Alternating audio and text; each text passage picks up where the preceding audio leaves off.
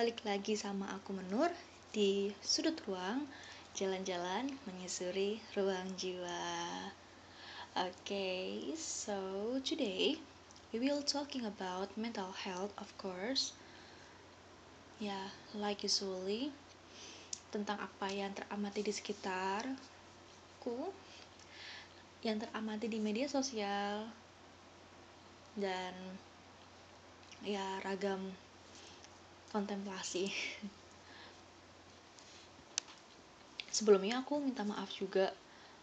Akhir-akhir ini belum bikin episode terbaru. Dan nggak tahu sih ini ada yang nungguin atau enggak um, jadi akhir-akhir ini emang nggak bikin episode terbaru karena bingung mau bikin konten yang seperti apa. Temanya udah ada nih something gitu kan tapi ragu untuk dibuat podcast. Ragu untuk dibuat episode terbaru karena masih sifatnya belum riset lah belum pastikan lah bener-bener pure asumsi gitu. Ya walaupun kebanyakan episodeku itu ada asumsinya lebih banyak daripada apanya gitu. Jadi kalau dibilang basic based on riset atau observasi ya menurut aku sih udah gitu. Karena itu sudah kayak semacam triangulasi atau ya hasil materi-materi hasil pemikiran dari analisa sebuah teori gitu. Yang udah aku pelajari sejak lama. Walaupun banyak distorsi tapi ya makanya ada perbaikan terus menerus yang mau aku lakukan buat membu untuk membuat konten yang lebih baik gitu. Jadi nggak asal asumsi doang. Jadi aku lagi mikir konten yang bagus tuh kayak gimana ya. Dan untuk mengisi kekosongan episode di podcast sudut ruang ini aku mau baca beberapa tweets aku yang malam ini aku udah bikin dan aku siapin memang fresh dari hasil kontemplasi aku. Dan temanya aku ambil dari uh, sebuah tweets. Dan aku ambil insights-nya terus aku bikin konten ini. Prosesnya pun ketika mendapat insight itu nggak langsung oh iya gitu. Tapi mikir dipahami gitu. Dan ternyata seiring berjalannya waktu ada pengalaman-pengalaman atau peristiwa yang mendukung statement ini. Dan ini masuk ke tema season kedua ya. Jadi berawal dari membaca sebuah konten di media sosial. Bedanya biasanya kan di dari buku gitu. Ini dari tweets seorang psikolog apa psikiater ya. Coba. Aku ambil dari Andreas Kurniawan atau Andreamon eh bener ya? Ed, An, itu an, punyanya punyanya Kak Andreas Kurniawan. Beliau adalah psikiatris oh berarti dokter jiwa psikiatris psychiatrist atau bahasa Inggrisnya with a sense of humor author of at Koas Racun public speaker work at Smart Mind Center Rumah Sakit Gading Pluit jadi e, memang aku bacanya dari psikiater. Aku ambil dari tweets yang bunyinya itu fenomena short statement adalah ketika kita mendapatkan eh sorry sorry sorry kita ulangi. Fenomena short statement adalah ketika kita menempatkan kata harus tanda kutip harus kepada sesuatu. Misalnya harusnya kamu tuh ngerti. Harusnya dia kan bisa baca pikiran aku. Kan udah lama banget. Percayalah banyak banget klien datang dengan hubungan yang rusak. Dengan hubungan rusak karena satu pola pikir harusnya seperti ini. Oke ini tweets. Tweets udah diposting tanggal 28 November yang lalu. Dan sebenarnya aku udah baca lama. Ternyata belum aku retweet. Terus aku hari ini pun hari ini tuh puncaknya aku kontemplasi tentang short statement atau statement pernyataan harusnya. Kata-kata harusnya itu aku menganggapnya bahwa ada semacam ekspektasi di dalamnya. Jadi aku membayangkan memposisikan kalau aku ini ada di posisi orang yang mengeluarkan kata seharusnya kamu tuh seperti ini ini. Seharusnya dia itu seperti ini ini. Harusnya harusnya. Ketika aku mengatakan harusnya proses apa yang terjadi di dalam diri aku? Aku bayanginnya seperti itu dan aku berusaha untuk merasakan apa yang terjadi di dalam diriku di hatiku dan di pikiranku. Ini nggak bisa generalisir ya. Ini opini yang sedikit aku bawa materi apa ya kognitif kah? Ya pokoknya terkait dengan kesehatan mental lah gitu. Ya yang kayak social awareness memposisikan diri. Ya itu. Pakai pendekatan itu. Terus ketika aku berusaha menempatkan kata harusnya aku sebagai orang yang mengatakan itu kalau aku pribadi rasanya ada satu titik yang bikin kata harusnya ini muncul. Ke permukaan atau kita katakan kepada orang lain. Entah itu orang yang bersangkutan atau orang pihak ketiga alias orang yang mendengarkan curhatan kita bukan orang yang langsung berkenaan dengan kita. Terus apa titik itu? Titik itu adalah you know expectation atau ekspektasi. Wow. Ini tuh tema ekspektasi adalah tema yang bikin aku tuh gergeten dan ya bingung juga sih. Oke kita lanjutin ya. Jadi aku ngerasa di sini poinnya adalah seseorang yang mengatakan seharusnya itu ada kemungkinan dia sedang berekspektasi tentang suatu kondisi atau suatu orang. Eh suatu orang seseorang. Sorry maksudnya seseorang. Terus aku pun punya pengalaman yang short statement ini dikasih ke aku sebagai orang psikologi. Pertama yang baru-baru aja aku disangka sebagai psikolog.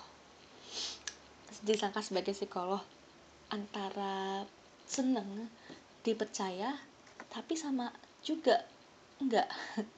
Sama enggak juga maksudnya. Karena wah kayaknya ada ekspektasi nih begitu pertama kali yang diomongin itu. Mbaknya kan psikolog kan? Psikolog kan ya? Jadi ada ekspektasi bahwa yang dia temui adalah psikolog atau profesional yang bisa membantu dia menyelesaikan masalah atau membantu dia untuk menemukan jalan keluar permasalahannya dia. Aku tuh bingung. Astaga ini ekspektasinya udah ketinggian. Aku ya jelasin dengan baik-baik. Menurutku udah yang aku berusaha untuk merespon dengan baik. Saya bukan psikolog gitu. Saya lulusan S1 psikologi. Tapi sama kan gitu. Ditanyain balik. Ya beda gitu. Emang kenapa emang kenapa? Ya akhirnya aku bantu sebisanya aku.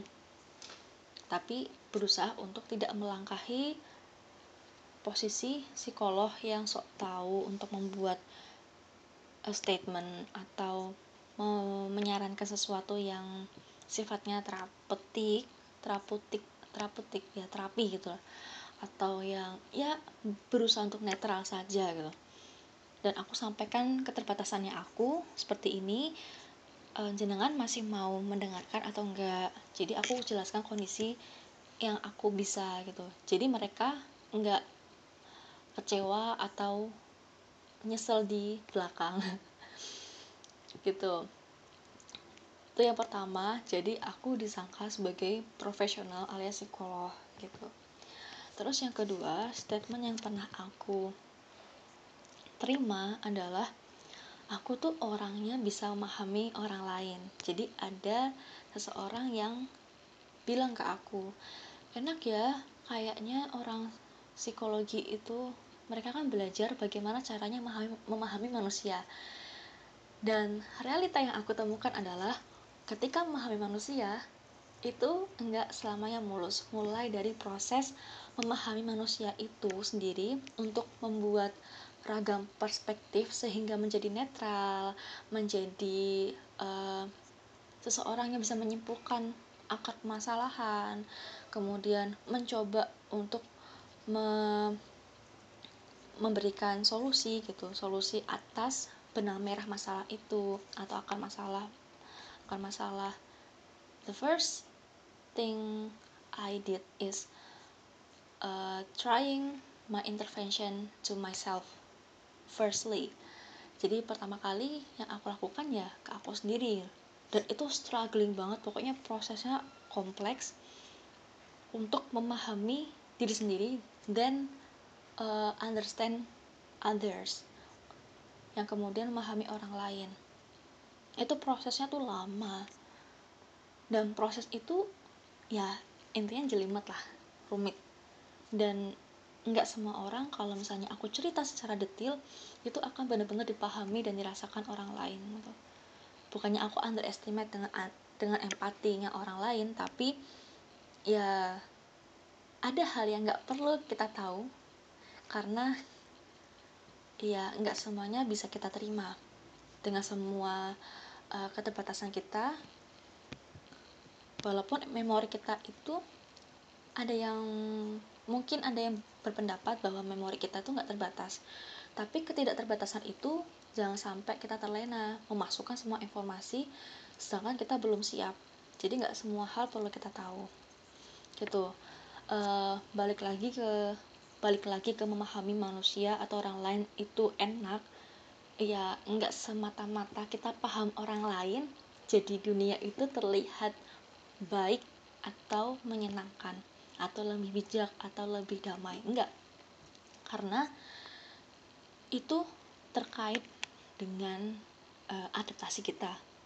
Kadang dengan konsep pikiran perasaan atau model sosial apa ya model pertemanan kita misalnya itu tuh nggak fit nggak mesti fit ke semua tipikal pertemanan. Kayak misalnya ada kelompok sosial hedonisme ada yang sederhana atau gimana gimana yang belak belakan yang um, keep secret dan sebagainya gitulah.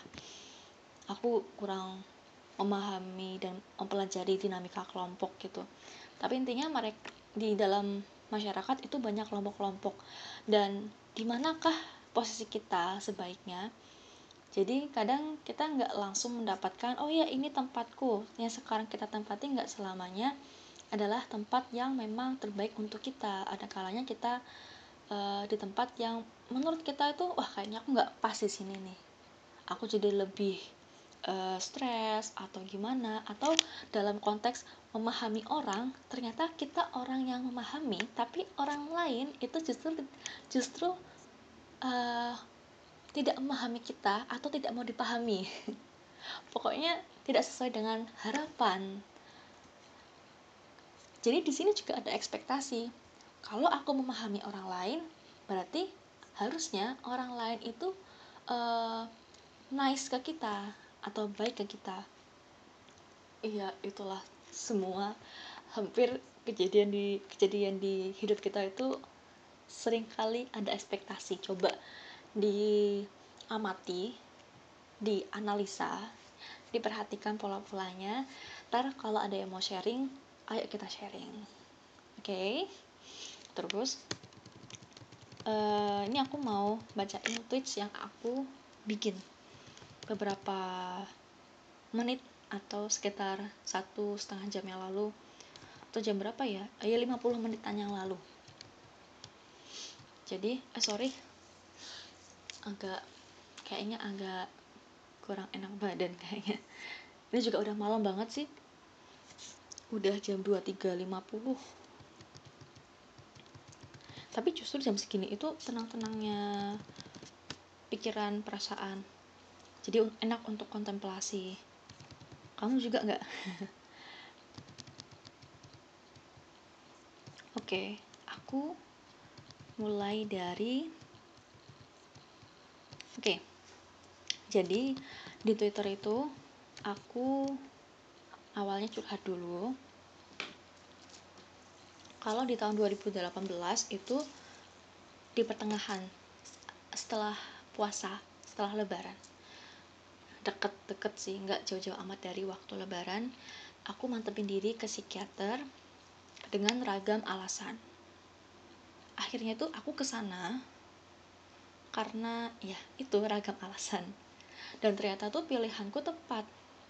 Ternyata aku butuh obat waktu itu. Ibaratnya aku dikasih obat itu karena otak otak yang uh, kondisi otak saat itu tuh emang udah kayak nggak bisa bantu aku handling masalah-masalah. Jadi bawaannya serba down serba pesimis. Jadi dengan kata lain otakku itu udah nggak bisa bantu aku buat survive dari negative thoughts yang seliuran ke mana-mana aku tuh tahu bagi beberapa orang itu suicide thoughts atau pikiran untuk bunuh diri selama 2 tahun itu masih termasuk yang singkat. Tapi itu nggak berlaku buat aku. Ada masa aku ngerasa nantinya tuh di satu titik aku ngerasa bakal bener-bener melakukan kenekatan yang merupakan hasil dari pikiran negatif itu. So, I'm so scared. Aku takut banget itu terjadi kan aku nggak mau itu terjadi. Di psikiater aku lebih banyak dengarkan. Nggak tahu kenapa ya aku tuh lebih banyak cerita. Lebih uh, banyak menganalisis. Menganalisis masalahku sendiri itu dan berusaha mencari akar permasalahannya. Nah mungkin karena aku memang tekadku di uh, sesi psikoterapi itu adalah untuk meluruskan apa yang aku temukan jadi tuh aku hanya butuh satu kali treatment medicine atau treatment obat. Habis itu psikoterapi setelah sebulan atau dua bulan pasca ke psikiater itu the first time I met psychiatrist Nah, sesuai dugaan, kestabilan pasca berobat itu ternyata nggak bisa. Jadi sebelumnya aku udah duga ini aku ke psikiater nggak bisa dengan pikiran atau kesiapan yang kosong. Aku harus ada persiapan untuk next step. Bagaimana sikap aku setelah berobat ke psikiater atau konseling ke psikiater.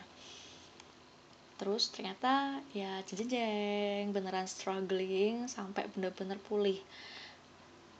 Tapi sebenarnya nggak pulih-pulih amat sih otaknya aja yang pulih. Jadi lebih lebih bisa untuk ber, berpikir yang lebih positif gitu apalagi nih apalagi dinamika hidup itu terus berjalan. Jadi preparation setelah dari psikiater atau setelah berobat itu perlu untuk mengantisipasi masalah-masalah yang berkelanjutan atau masalah baru gitu. Yang polanya mungkin sama. Biasanya nih biasanya. Nggak nggak tahu selalu apa enggak uh, kita tuh kita yang di masa kini adalah kita yang sudah survive dari masalah kita di masa lalu. Jadi polanya itu mirip per orangnya ya. Jadi pola masalahnya aku sama kamu itu bisa aja berbeda gitu. Jadi polanya masing-masing sama dari kurang lebih sama sepanjang hidupnya atau ya sekarang 20-an berarti sekitar 20 ya sekitar inilah. Tapi versinya aku sama kamu sama kalian bisa saja polanya berbeda masing-masing jadi dilihat pola masalahnya itu seperti apa coba diamati. Nah dari situ kita bisa bikin ancang-ancang nih. Dan kita punya tekad untuk kita perlu survive kita perlu memulihkan kita perlu merawat luka kita di masa kini sehingga kita bisa lebih kuat di masa depan. Gitu. Nah terkait dengan uh, tweetsku ini aku lanjutin. Jadi aku itu kena label orang psikologi tuh harusnya harusnya. Dan kata-kata orang psikologi atau label orang psikologi itu sepertinya udah menciptakan ekspektasi banyak orang tuh. Orang psikologi itu harusnya gini gini gini gini gini. Aduh itu capek banget sih. Padahal itu ya orang yang belajar psikologi atau yang katanya orang psikologi itu sebenarnya sama-sama punya masalah yang entah masalahnya itu sudah beneran pulih atau belum. Ada luka yang sudah terobati atau tersentuh ter terjangkau atau enggak. Karena sering kali kita tuh nggak ngerti masalah kita tuh apa. Jadi pernah nggak ketemu sama orang ketika ditanyain kamu uh, masalah hidupmu apa? Enggak aku nggak punya masalah. I have no problems. Ada nggak aku pernah soalnya ketemu kayak gitu. Aku pernah ketemu dan aku bingung hey are you sure? Kamu nggak pernah ketemu masalah gitu? Ketika aku perdalam ternyata dia punya masalah tapi tapi dia nggak sadar. Nggak sadarnya itu dia nggak sadar dia punya masalah gitu. Ya mungkin ya kita positive thinking saja gitu. Cuma cuma kita perlu dampingnya aja. Kalau misalnya dia butuh kita berusaha untuk ada. Tapi ya perhatikan juga kondisi kita oke kita lanjut lagi. Oke langsung ke sini deh ya. Jadi sering dengar slogan ini nggak? Love yourself first then others. Aku mikirnya gini ternyata tuh slogan itu kayaknya nih itu tuh nggak cuma berlaku buat orang-orang yang butuh pertolongan psikologis tapi juga ke caregiver lulusan lulusan psikologi atau fakultas kejiwaan atau bahkan profesional. Karena mereka pun dibalik kemampuan yang dianggap publik itu mampu dibaliknya atau sebelumnya atau latar belakang masa lalunya itu ya kita atau mereka tuh ya struggling gitu loh. Dan mereka juga belum uh, memastikan atau bisa jadi ada yang belum pulih gitu. Ada yang belum pulih untuk dipulihkan. Ya gitu. Apa sih Nur ngomongnya masih belibet? I'm so sorry ya masih belibet ngomongnya. Gitu. Jadi aku tuh uh, di tweetsku itu aku menegaskan kalau ingat loh semuanya itu manusia. Mau dari yang punya luka mau yang menolong kita. Kita tuh sama-sama manusia gitu. Semuanya tuh manusia punya perasaan punya masalah bahkan mungkin masih struggling gitu loh. Kita tuh um, mencoba cobalah untuk gak bikin konstruk pikiran yang kayak short statement atau harusnya gini-gini. Tapi apa ya? Ya aku langsung blank. Kenapa aku blank?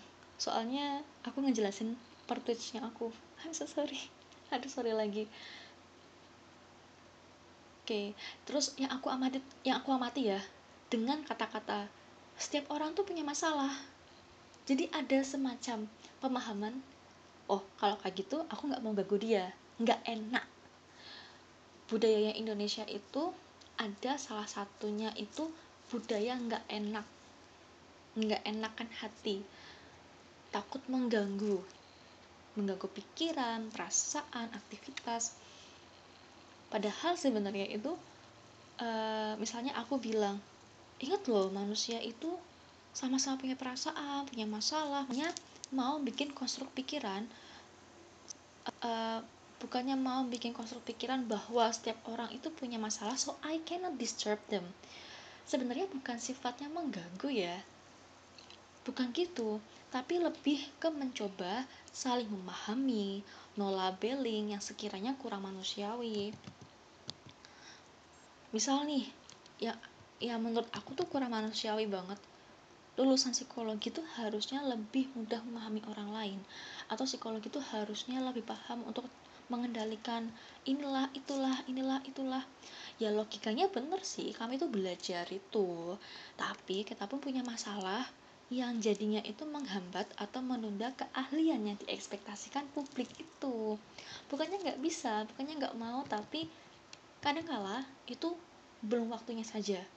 Ya maklum lah newbie baru lulus terus dikasih ekspektasi yang so high high high alias tinggi banget. Gitu. Nah kalau kalau kita udah berani bilang oh sorry sorry.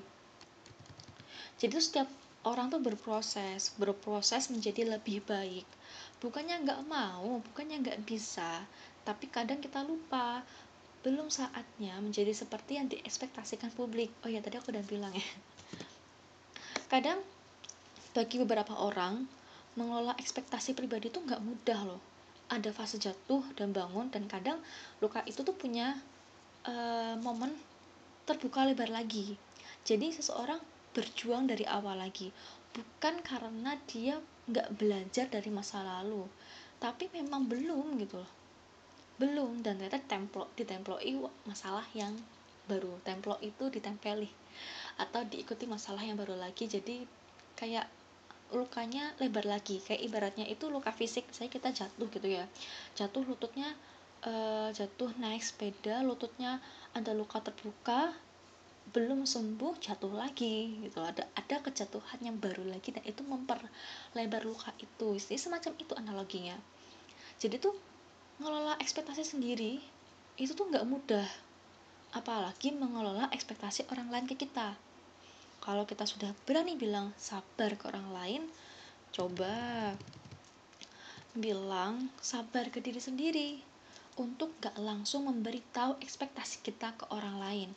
Karena memberitahu ekspektasi kita ke orang lain sebenarnya nggak ada salahnya. Cuma coba sejenak pahami sikon apakah sudah tepat untuk menyampaikan opini atau tentang ekspektasi kita ke orang lain atau orang yang bersangkutan? Karena perlu diingat kita semua itu manusia. Butuh didukung butuh didukung segala proses dan usahanya. Proses dan usaha. Gitu. Short statement.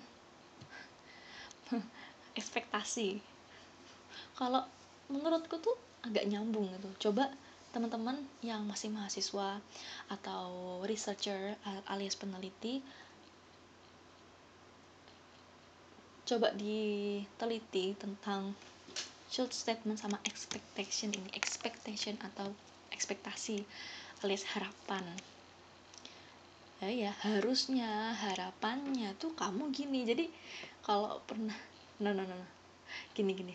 Jadi kadang itu menginterpretasikan kata-kata orang itu mencari akar akar kata-kata atau akar kalimatnya itu coba diposisikan kalau kita ngomong itu. Kira-kira maksudnya apa ya? Kok harusnya kamu gini gini gini gini? Harusnya gini gini.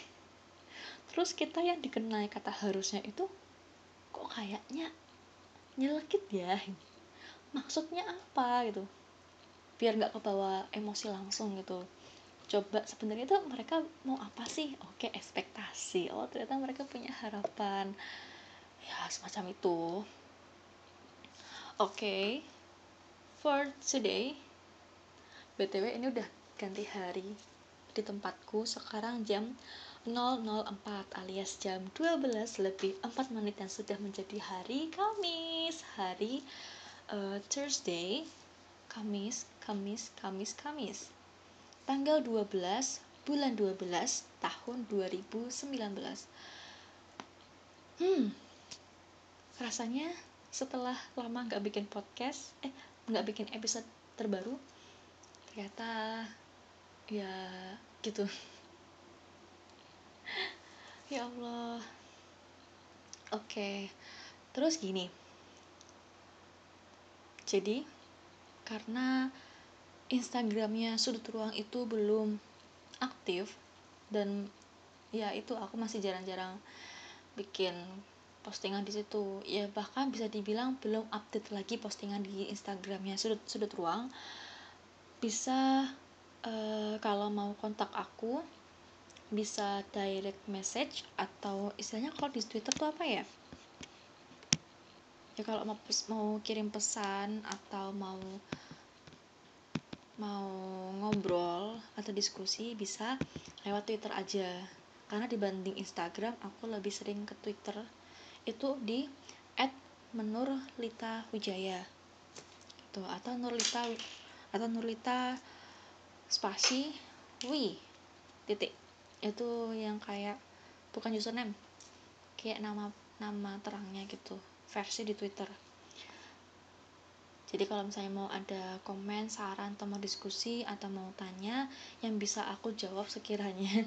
Karena aku masih terbatas ilmu juga, masih belajar bisa ke Menur Lita Wijaya di Twitter. Gitu. Semoga next time ada kesempatan untuk sharing-sharing melalui podcast Sudut Ruang. See you next time. Dan selamat istirahat. Selamat istirahat. Selamat istirahat untuk mempersiapkan hari yang baru, mungkin pekerjaan baru, aktivitas kuliah baru, aktivitas aktivitas sekolah baru. Yang baru maksud bukan instansinya baru tapi harinya melakukan aktivitas. Kan berganti hari aktivitasnya kan mesti ada perubahan. Perubahan yang detil kecil itu mesti ada. Karena waktu itu berputar nggak nggak sama. Makanya ada istilah istilah yang kita tuh nggak bisa mengulang waktu yang sama. Ya iyalah udah jelas tanggal 12 bulan 12 nggak bisa mundur ke dua ke tanggal 11 bulan 12 nggak bisa ya emang nggak bisa diputar lagi waktunya. Tapi ya itulah. Semoga kita dimudahkan untuk segala urusannya yang sedang memulihkan batin. Semoga diberikan jalan terbaiknya untuk menemukan jalan pemulihan yang tepat. Tuh pokoknya uh, salam apa ya bukan salam sih mengirim support dari sini buat kamu-kamu yang sedang berjuang. Kamu sangat hebat. Ya ini juga buat nge-encourage diri aku sendiri karena aku juga masih punya luka yang belum terselesaikan lagi berusaha lagi berjuang lagi struggling juga. So insya Allah next time kita balik lagi di sudut ruang di sudut ruang jalan-jalan menyusuri ruang jiwa. Oke okay, bye bye